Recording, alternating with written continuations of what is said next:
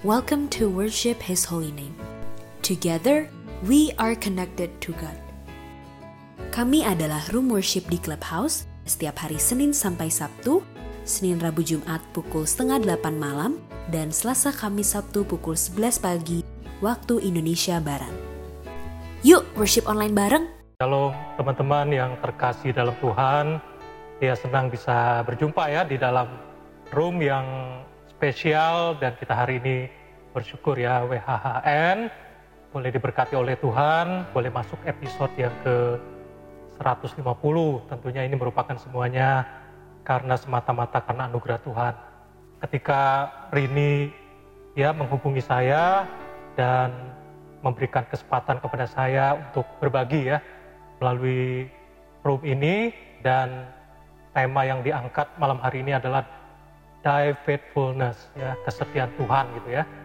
Dan ayat yang saya mau bacakan buat teman-teman adalah terambil dari ratapan ya kitab ratapan yaitu pasal yang ketiga ayat 21 saya bacakan ya buat teman-teman dari ayat 21 sampai ayat yang ke-23 berbunyi demikian tetapi hal-hal inilah yang kuperhatikan.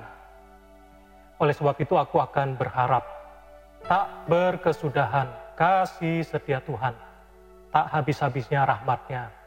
Selalu baru tiap pagi besar kesetiaanmu.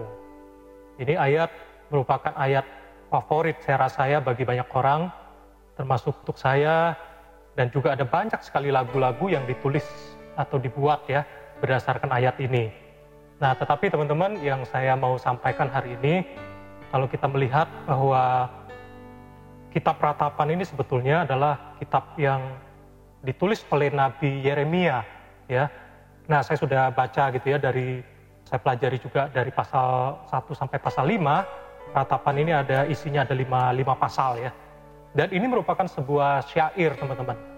Atau boleh dikatakan puisi lama ya. Dan kalau kita pelajari ratapan ini ditulis oleh Yeremia, Yeremia adalah seorang nabi yang melihat langsung gitu ya runtuhnya Yerusalem itu direbut oleh kerajaan Babel ya. Dia melihat langsung peristiwa-peristiwa di mana kejayaan dari kerajaan Israel sebelumnya apalagi di masa keemasan ya di zaman Raja Daud di zaman Raja Salomo kemudian Nabi Yeremia ini ya sudah dipakai oleh Tuhan untuk memberikan peringatan sebetulnya kepada bangsa Israel yang kalau mereka tidak bertobat sungguh-sungguh mereka akan mengalami kehancuran. Jadi Nabi Yeremia ini melihat bagaimana kota Yerusalem itu dihancurkan, kemudian bagaimana tembok-tembok Yerusalem itu dihancurkan, bait suci dihancurkan, dan bagaimana umat Israel itu kemudian dibuang ya ke pembuangan gitu ya, di pengasingan di kerajaan Babel gitu ya. Jadi ketika Yeremia menyaksikan peristiwa ini tentunya dia begitu sedih ya. Dia banyak ratapan, makanya dibuatnya ratapan, banyak meratap, banyak menangis. Bahkan kalau saya pelajari di Alkitab ya, contohnya dari ratapan pasal 3 ayat 1, akulah orang yang melihat sengsara. Nah teman-teman kalau kita bayangkan kalau kita seperti Nabi Yeremia yang melihat langsung kejayaan bangsa atau kerajaan Yehuda, kerajaan Israel, kemudian bagaimana mengalami kehancuran peruntuhan. Kalau kita melihat peristiwa yang mengenaskan, yang begitu tragis ya, tentunya kalau kita jadi seorang nabi seperti itu penuh dengan tangisan, penuh dengan ratapan tentunya ya. Dan tentunya kita tahu bahwa kalau kita pelajari ya dalam kaitannya nanti tentang kesetiaan Tuhan, Sebetulnya kalau kita pelajari tentang kehidupan bangsa Israel, itu juga menggambarkan kehidupan kita teman-teman. Itu seperti ada pola ya. Itu dari awalnya bagaimana bangsa Israel itu bagaimana mereka kalau saya tarik mundur ya ketika mengalami dijajah oleh bangsa Mesir. Nah, ya, polanya ketika mereka mengalami penderitaan yang begitu hebat, mereka kemudian teringat kepada Tuhan mereka berseru-seru memanggil nama Tuhan dan mereka begitu mengalami penderitaan. Kemudian Tuhan mengutus Musa untuk membebaskan, memimpin bangsa Israel keluar dari Mesir. Tapi kemudian ketika mereka udah dibebaskan, polanya mereka akan menyembah Tuhan, mereka akan bersyukur kepada Tuhan, mereka akan menyanyi bagi Tuhan. Nah, ketika zaman atau masa sudah enak lagi teman-teman, mereka akan kemudian kembali lagi bersungut-sungut ketika ada masalah mereka berontak. Nah, tetapi kemudian ketika mereka sampai kadang-kadang dikalahkan musuh, mereka mengalami penderitaan, mengalami kekurangan, mereka berseru kepada Tuhan. Dan lagi-lagi Tuhan menyelamatkan mereka, menolong mereka. Tapi pola itu berulang kembali ketika Tuhan tolong mereka mulai menyembah, bersyukur kepada Tuhan. Dan kemudian kumat lagi masalahnya, mereka lupakan Tuhan. Kemudian mereka bahkan mulai jatuh kepada penyembahan berhala gitu ya. Sampailah ceritanya ketika mereka masuk tanah kanaan pun ya. Kemudian ketika tidak ada lagi pemimpin mulai dari zaman Yosua ketika meninggal ya. Kemudian tidak ada pemimpin, mereka hancur-hancuran. Kemudian masuklah zaman hakim-hakim ya yaitu ketika tidak ada pemimpin mereka mulai dikalahkan lagi direbut oleh bangsa yang lain mereka berseru lagi Tuhan kirim lagi begitu seterusnya kemudian mereka minta seorang raja dan sebagainya. Nah tapi pola itu berulang teman-teman. Ini yang kita pelajari tapi kita bersyukur bahwa Tuhan itu setia teman-teman. Kita ini pada dasarnya suka lupa sama Tuhan. Kita ini suka jatuh bangun. Kita ini ada masa-masa baik, awalnya kita bersyukur menyembah Tuhan, kemudian lupa lagi. Ketika ada masalah, kita mulai bertanya, di manakah Tuhan? Jadi kalau kembali kepada ratapan ini, teman-teman merupakan bentuk, kalau disampaikan itu bentuk murka atau hukuman atau keadilan yang Tuhan nyatakan kepada bangsa Israel, sehingga mereka mengalami kehancuran. Ya, makanya muncul di pasal 3 teman-teman, sekalipun ya, di tengah-tengah penderitaan atau masalah yang terjadi, nah melalui Nabi Yeremia yang menulis ratapan ini ada janji kesetiaan Tuhan yang diangkat kembali. Bahwa Tuhan itu setia teman-teman. Makanya di ratapan pasal 3 tadi yang saya baca, yang saya bacakan di ayat 21, tetapi hal-hal inilah yang kuperhatikan oleh sebab itu aku akan berharap. Jadi teman-teman tetap ada pengharapan karena Tuhan sudah buktikan dia setia. Ya walaupun kita ini ingkar janji, walaupun kita ini nakal, walaupun kita ini jatuh bangun tetapi Tuhan itu setia. Jadi saya mau katakan teman-teman, kalau Tuhan sudah buktikan bagaimana Tuhan kemudian mengembalikan ya bangsa Israel itu dari pembuangan, mereka kemudian bisa kembali ke Yerusalem dan membangun negaranya seperti sekarang ini ada kerajaan Israel, ada negara Israel yang berdiri. Jadi saya percaya juga bahwa Tuhan tidak pernah meninggalkan kau dan saya. Ya, dia Tuhan yang setia, yang di dalam segala situasi yang ada selalu ada pengharapan. Tapi teman-teman saya juga mau sampaikan bahwa pengharapan yang sejati itu bukan hanya bicara yang sementara ini. Sebenarnya kalau kita lihat nubuatan-nubuatan yang tertulis di Alkitab oleh nabi-nabi, kalau kita bicara tentang Nabi Yesaya juga demikian. Tapi selalu di balik itu ada janji pemulihan. Poin yang pertama saya mau sampaikan dari hari ini adalah kita bersyukur ya bahwa Tuhan itu masih setia sampai hari ini. Ya teman-teman, pernah nggak mengalami kejadian electricity down gitu ya? Tiba-tiba listrik itu mati gitu ya, down, tidak berfungsi. Bisa kebayang ya teman-teman kalau kita yang hidup sekarang ini begitu membutuhkan power gitu ya, membutuhkan listrik gitu. Dan ketika down kita langsung nggak berputik di masa-masa ini kalau tidak ada power di tempat saya, saya tinggal di Kuala Lumpur, ini anak-anak juga sekolahnya online gitu ya. Bayangkan setiap hari kita perlu power itu ya. Ya, untuk gunakan apa kegiatan sehari-hari, laptop, untuk cas, handphone, ya semua, semua fungsi dalam kehidupan kita ya di berbagai industri ya. Mulai dari rumah, sekolah, kantor, di mana pun kita perlu power gitu ya. Jadi teman-teman bayangkan kalau dunia ini powerless, tidak ada tidak ada tenaga lagi, tidak ada daya, tidak ada electricity ya.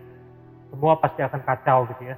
Nah, saya bayangkan kita bersyukur bahwa powernya Tuhan masih bekerja sampai hari ini. Ya buktinya kehidupan kita masih bisa berjalan teman-teman. Sekalipun di tengah pandemik yang ada, saya mau katakan Tuhan tetap setia. Karena Tiap hari masih ada matahari yang bersinar. Masih ada oksigen yang diberikan buat kita gitu ya. Kita bersyukur bahwa Tuhan itu masih God is still in control. Tuhan itu masih mengontrol segala sesuatu. Jadi apa pun yang terjadi di sekitar kita tidak terlepas dari setiap masalah yang ada, tapi kita bersyukur Tuhan itu masih kontrol dalam segala sesuatu, masih ada powernya yang sustain everything, yang masih menjaga kita sampai hari ini. Bukankah itu karena Tuhan setia teman-teman? Jadi itu poin yang pertama bahwa kalau bicara thy faithfulness Tuhan yang setia, iya dia masih menyatakan kesetiaannya, masih memberi kita nafas kehidupan, kita masih hidup sampai hari ini, ya kita masih mencari dia, kita bisa melihat juga banyak kesaksian perubahan yang terjadi dalam kehidupan kita. Tadi teman-teman sudah bersaksi gimana saudara Christian juga tadi bersaksi. Bukankah itu karena ada Tuhan ya yang setia dan masih bekerja sampai hari ini? Kalau Tuhan itu setia, ya mari kita juga belajar untuk percaya kepada Dia, ya tetap setia juga sekalipun kita melewati seperti Mazmur 23 tadi katakan atau dibacakan oleh Christopher tadi ya. Saya bacakan lagi teman-teman Mazmur 23 ayat 4. Sekalipun aku berjalan dalam lembah kekelaman, aku tidak takut bahaya sebab engkau besertaku. Gadamu dan tongkatmu itulah yang menghibur aku. Dalam bahasa Inggrisnya mengatakan, even though I walk through the darkest valley. I walk through. Tidak dikatakan I stop ya in the darkest valley jadi sekalipun aku berjalan teman-teman, ini kata yang bagusnya. Jadi kita tidak stop di dalam lembah kekelaman. Kita masih bisa berjalan melalui lembah kekelaman. Mengapa teman-teman? Mazmur 23 ini bicara Tuhan adalah gembala yang baik. Takkan kekurangan aku. Dia bisa menyediakan, dia membimbing kita gitu ya ke mata air yang tenang, rumput yang hijau. Dia menyegarkan jiwa kita. Bahkan sekalipun melewati lembah kekelaman, lembah air mata teman-teman. Mungkin hari-hari ini ada banyak dari kita yang ada di dalam lembah kekelaman, lembah air mata. Tapi jangan stop teman-teman, karena ada Tuhan yang setia. Dan Tuhan memang tidak menjanjikan semua jalan kita baik teman-teman. Tiba-tiba saya keinget lagu itu ya, Tuhan tak pernah janji langit selalu biru, tapi dia berjanji selalu menyertai. Tuhan tak pernah janji jalan selalu rata tetapi dia berjanji berikan kekuatan. Makanya lagu ini berkata jangan pernah menyerah. Jangan berputus asa. Mujizat Tuhan ada saat hati menyembah. Jangan pernah menyerah, jangan berputus asa. Mujizat Tuhan ada bagi yang setia dan percaya. Jadi teman-teman mari kita berpegang kepada kesetiaan Tuhan. Ya, Tuhan yang masih setia sampai hari ini. Karena memang karakternya setia, dan bisa diandalkan. Sekalipun kita tidak setia, ya Tuhan tidak pernah menyangkal dirinya karena dia adalah pribadi yang setia. So teman-teman, sekalipun Tuhan izinkan mengalami lembah kekelaman, jangan berhenti teman-teman. Mari tetap berharap dan percaya kepada dia. Ya, seperti tadi yang sudah kita baca dari ratapan 3 ayat 21 sampai 24 tadi ya. Ya, 21 sampai 23 saya bacakan. Oke, teman-teman, yang kedua, poin kedua yang saya mau bagikan adalah kesetiaan Tuhan itu tidak tergantung keadaan kita. Jadi poin yang pertama itu kita percaya Tuhan masih setia dan tetap setia. Bahkan dia tidak pernah berubah dulu, sekarang dan selama-lama. Jadi apa pun yang terjadi, Tuhan tetap setia. Dia tetap sustain segala sesuatu, dia kontrol segala sesuatu. Dan juga teman-teman, kesetiaan Tuhan tidak tergantung kesetiaan kita. Kenapa saya bilang seperti itu? Karena tadi kita sudah bahas sebentar ya, Mungkin teman-teman tadi sempat dengar sedikit background dari kitab ratapan, tapi ini menggambarkan kehidupan bangsa Israel. Tadi saya sudah sempat jelaskan ya, bahwa bangsa Israel ini juga menggambarkan kehidupan kita yang ada polanya seperti begini teman-teman. Ketika kita ada masalah, seperti bangsa Israel juga, mereka berseru minta pertolongan dari Tuhan. Dan Tuhan tolong, Tuhan menyatakan kuasa dan mujizatnya. Dan bangsa Israel, wah bersyukur menyembah Tuhan ketika Tuhan sudah tolong. Tapi nggak lama kemudian lupa lagi sama Tuhan. Jatuh lagi kepada penyembahan berhala, jatuh lagi kepada injustice, tidak ketidakadilan, korupsi, merosotkan moral. Kemudian mereka ditaklukkan oleh musuh, jatuh ke dalam banyak problem yang terjadi karena dosa, karena pelanggaran yang mereka perbuat. Kemudian mereka nggak tahan, mereka berseru lagi kepada Tuhan dan Tuhan tolong. Jadi Tuhan selalu rindu menolong dan menyelamatkan kita. Jadi teman-teman, Tuhan itu setia walaupun kita tidak setia. Jadi karena kesetiaan Tuhan sekali lagi tidak bergantung kepada kesetiaan kita karena pada dasarnya kita nggak setia. Tapi kita bersyukur bahwa Tuhan itu kesetiaannya sekali lagi dia siap untuk menolong dan memberikan anugerah. Dia bisa memberikan jalan keluar buat kita. Tapi hal yang luar biasa teman-teman bahwa kadangkala kita tahu bahwa tidak semua doa yang kita mohonkan itu dijawab oleh Tuhan karena Tuhan lebih tahu ya apa yang menjadi kehendaknya buat engkau dan saya. Tetapi ada janji kesetiaan dari Tuhan buat kita. Janjinya apa? Janji penyertaan dan penghiburan buat kita sekalipun Tuhan izinkan kita ada di lembah air mata. Ya, dia tidak hindarkan kita dari lembah kekelaman, dari the darkest valley, tapi dia berjanji menemani, dia berjanji menyertai, dia adalah Allah Immanuel yang tidak pernah membuang kita. Jadi mari teman-teman datang kepada dia apa adanya. Dan kalau kita lagi baik, jangan pernah sombong. Kita tetap berharap dan mengandalkan dia.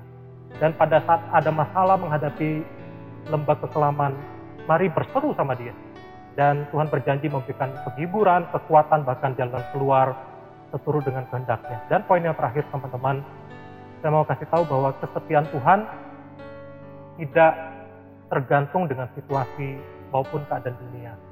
Karena poin yang terakhir saya mau katakan adalah kesetiaan Tuhan sebetulnya sudah dia tunjukkan kasihnya yang terbesar buat dan saya melalui kematian Kristus di kayu salib. Itu adalah puncaknya pernyataan kebaikan, kesetiaan yang Tuhan sudah nyatakan buat engkau dan saya. Jadi kesetiaan Tuhan bukan kita lihat di hari-hari ke depan. Kita mau lihat Tuhan perlu buktikan gitu ya. Buat kita nggak perlu dibuktikan lagi sebetulnya. Dia sudah buktikan. Yaitu puncaknya di kayu salib. Nah teman-teman, saya sudah membaca seluruh kitab tatapan ini ya dari pasal 1 sampai pasal yang kelima itu ada lima pasal teman-teman. Dan ini kitab ratapan ini ditulis oleh Yeremia yang menyaksikan keruntuhan Israel. Makanya ratapan, lamentation ya. Dia menjerit, dia crying, dia meratap teman-teman. Karena dia menyaksikan langsung bangsa Israel yang awalnya begitu jaya di zaman Daud, zaman Salomo, kemudian karena ketidaksetiaan mereka, ketidaksetiaan bangsa Israel, mereka jatuh kepada penyembahan berhala, terjadi korupsi, terjadi kemerosotan moral, kebejatan moral, kemudian mereka tidak setia, ada ketidakadilan yang terjadi di mana-mana. Ya Tuhan itu adil ya, kalau kita tidak setia, kalau kita hidup dalam dosa, kalau melanggar, tentu ada konsekuensi yang terjadi. Dan Tuhan izinkan itu terjadi. Akhirnya bangsa Israel, kerajaan ini ditaklukkan oleh kerajaan Babel dan mereka ada di pengasingan dibuang ya. Yerusalem kotanya hancur, tembok-temboknya hancur, bait suci juga dihancurkan. Jadi bayang teman-teman yang ada di sebuah kejayaan satu negara, kemudian menyaksikan langsung tuh kota itu hancur. Dan dia adalah seorang nabi yang meratapi nasib bangsanya. Makanya banyak tulisan dari ratapan ini kalau teman-teman baca itu puisi atau sebut syair ya. Syair itu puisi lama teman-teman. Isinya itu merupakan banyak keluhan jeritan tentang kehancuran dari bangsa Israel. Nah, teman-teman yang saya mau ajak kita mengerti tentang ratapan ini yang sudah kita baca di pasal 3 ayat 21 sampai 23, ternyata setiap pasal itu mengandung 22 ayat, teman-teman. Pasal 1 ada 22 ayat, pasal 2 ada 22 ayat. Pasal 3 itu 66 ayat, which is 22 kali 3 sebetulnya. Ya, dan pasal 22 ayat pasal 5 ada 22 ayat teman-teman. Jadi ini menarik.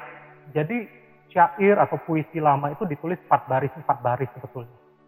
Jadi dalam bahasa Ibrani bahasa aslinya itu ayat yang pertama itu dimulai dengan alef huruf dan ayat yang terakhir itu ditutup dengan alfabet yang terakhir dari bahasa Ibrani teman-teman. itu menggambarkan siapa? Itu adalah alfa dan omega. Jadi di balik semua situasi yang ada, ya di balik reruntuhan yang terjadi teman-teman.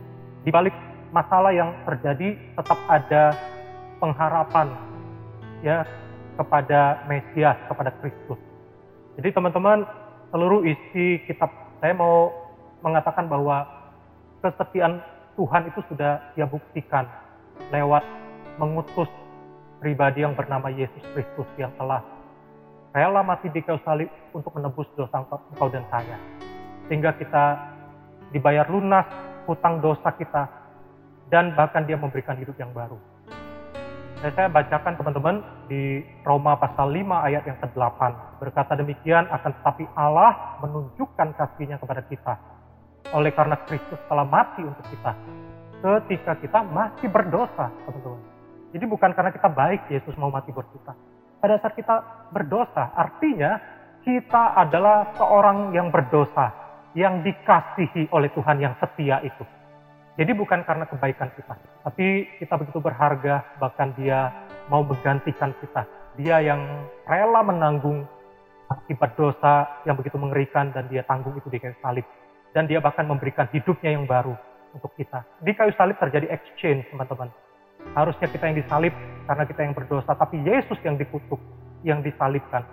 Dan kebenaran Kristus itu diberikan buat engkau dan saya. Sehingga kita ini dibenarkan. Bukan karena kebaikan kita. Bukan karena usaha kita. Tapi karena Yesus mengasihi engkau dan saya. Dia tanggung dosa kita. Dan dia membenarkan kita. Memberikan identitas yang baru. Memberikan status yang baru. Jadi bukan karena usaha kita tapi karena kasihnya, karena kesetiaannya. Dia mau menanggung dosa kita dan memberikan identitas dan hidup yang baru, bahkan memberikan roh kudusnya ke dalam hidup engkau dan saya. Jadi teman-teman, karya Kristus di kayu salib adalah bukti yang tertinggi kasihnya kepada kita. Mungkin hari-hari ini kita rindu ya mengalami pemulihan, kita yang kehilangan pekerjaan, kita rindu mendapat pekerjaan, kita yang sakit rindu disembuhkan. Kita yang mengalami masalah, kita rindu mendapatkan jalan keluar. Teman-teman, itu doa dan permohonan yang baik, yang sangat wajar, dan kita rindu pandemik ini bisa berakhir. Itu doa yang tulus, teman-teman. Tetapi saya mau katakan begini, teman-teman, bahwa dia mungkin saja bisa membantu kita keluar dari masalah. Dia bisa memberikan itu sebagai bukti tambahan saja Kenapa saya bilang seperti ini? Saya mau katakan seperti ini teman-teman. Ya, he may give additional proof, but he can give no greater proof. Dia mungkin saja memberikan bukti tambahan dengan cara tadi, teman-teman, menyembuhkan kita. Dia bisa kasih bukti tambahan, membantu kita keluar dari masalah kita dan kita mendapat pekerjaan yang baru. Kita keluar dari kesulitan dari pandemik yang ada.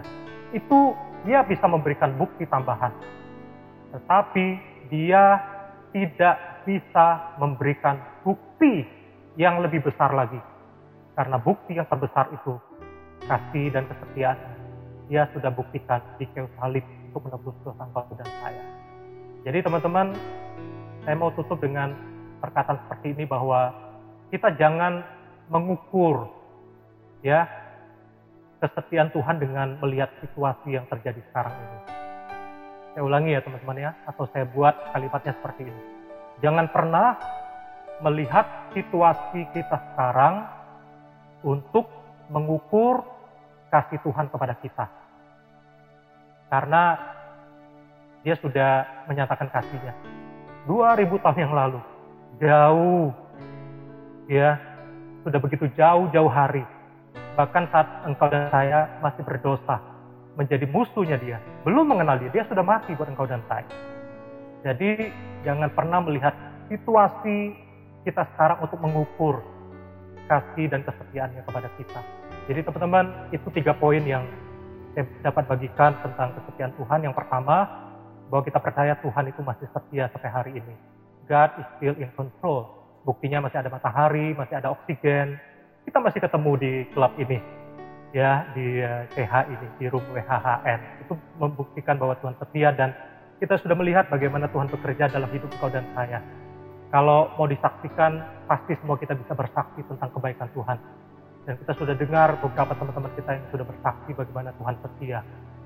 Yang kedua teman-teman, kesetiaan Tuhan itu tidak tergantung keadaan kita, tidak tergantung dengan kita baik atau jahat atau buruk ya karena dia pribadi yang setia dan bagian kita tentunya kalau Tuhan setia kita juga mau tetap berjalan bersama dengan dia. Kalau Tuhan setia kita juga mau mengikuti Tuhan yang setia ya dan kita juga mau setia sampai akhirnya. Dan yang ketiga teman-teman puncak dari bukti kesetiaan Tuhan dia sudah buktikan di salib 2000 tahun yang lalu. Dan itulah Tuhan yang setia yang telah menyatakan kasihnya secara luar biasa buat engkau dan saya. Jadi saya berdoa teman-teman, di masa-masa seperti ini, poin yang saya mau ajak kita merenungkan adalah seperti kita peratapan ini berkata bahwa tak berkesudahan ya kasih setia Tuhan. Ya tak habis-habisnya rahmatnya. Selalu baru tiap pagi. Jadi kalau pagi bangun masih bisa bernafas. Tarik nafas masih bisa lihat matahari. Wah kita bisa melihat kesetiaan Tuhan. Dia masih kontrol segala sesuatu dan membuktikan dia setia teman-teman. Nah saya berdoa teman-teman, mari kalau di tengah situasi seperti kita peratapan ini tulis, tetap ada janji kesetiaan Tuhan, tetap berharap gitu ya, bahwa Tuhan yang baik itu ya, dia pasti akan menuntun kita dan saya percaya bahwa pandemik ini juga akan segera berakhir. This too shall pass ya. Ini juga yang kali ini juga kita pasti akan lalui bersama-sama dengan Tuhan. So, tetap berharap sama Tuhan, jangan berharap sama manusia, jangan menilai kesetiaan Tuhan melalui situasi yang ada sekarang, tapi yang saya mau sampaikan adalah mari fokus kepada kesetiaan Tuhan. Fokus kepada Kristus yang tidak pernah ingkar janji. Dia adalah the author and finisher of our faith. Ibrani 12 mengatakan demikian. Dia adalah penulis dan penyelesai iman kita. Jadi selama mata kita tertuju kepada Kristus, kita juga akan dipimpin kepada kesetiaan sampai finishing well. So, pandanglah kepada Kristus yang setia. Dia adalah Aleph and Taf. Dia adalah Alpha dan Omega. Yang awal dan akhir. Mari kita mengikuti pribadi yang setia dulu, sekarang, dan selama-lamanya. Namanya Yesus Kristus. Amin. Tuhan Yesus memberkati kita semua. Worship His Holy Name. Kami adalah Room Worship di Clubhouse setiap hari Senin sampai Sabtu, Senin Rabu Jumat pukul setengah delapan malam, dan Selasa Kamis Sabtu pukul 11 pagi waktu Indonesia Barat. Jangan lupa untuk follow Rumah Hijau Club Worship His Holy Name supaya kalian gak ketinggalan setiap kali kita open room worship. Follow juga Instagram kita di at worshiphisholyname.id. Teman-teman juga feel free untuk DM IG kita yang butuh tempat untuk cerita, atau ada titipan doa untuk bisa kita doakan sama-sama di Worship His Holy Name. Worship His Holy Name. Together, we are connected to God.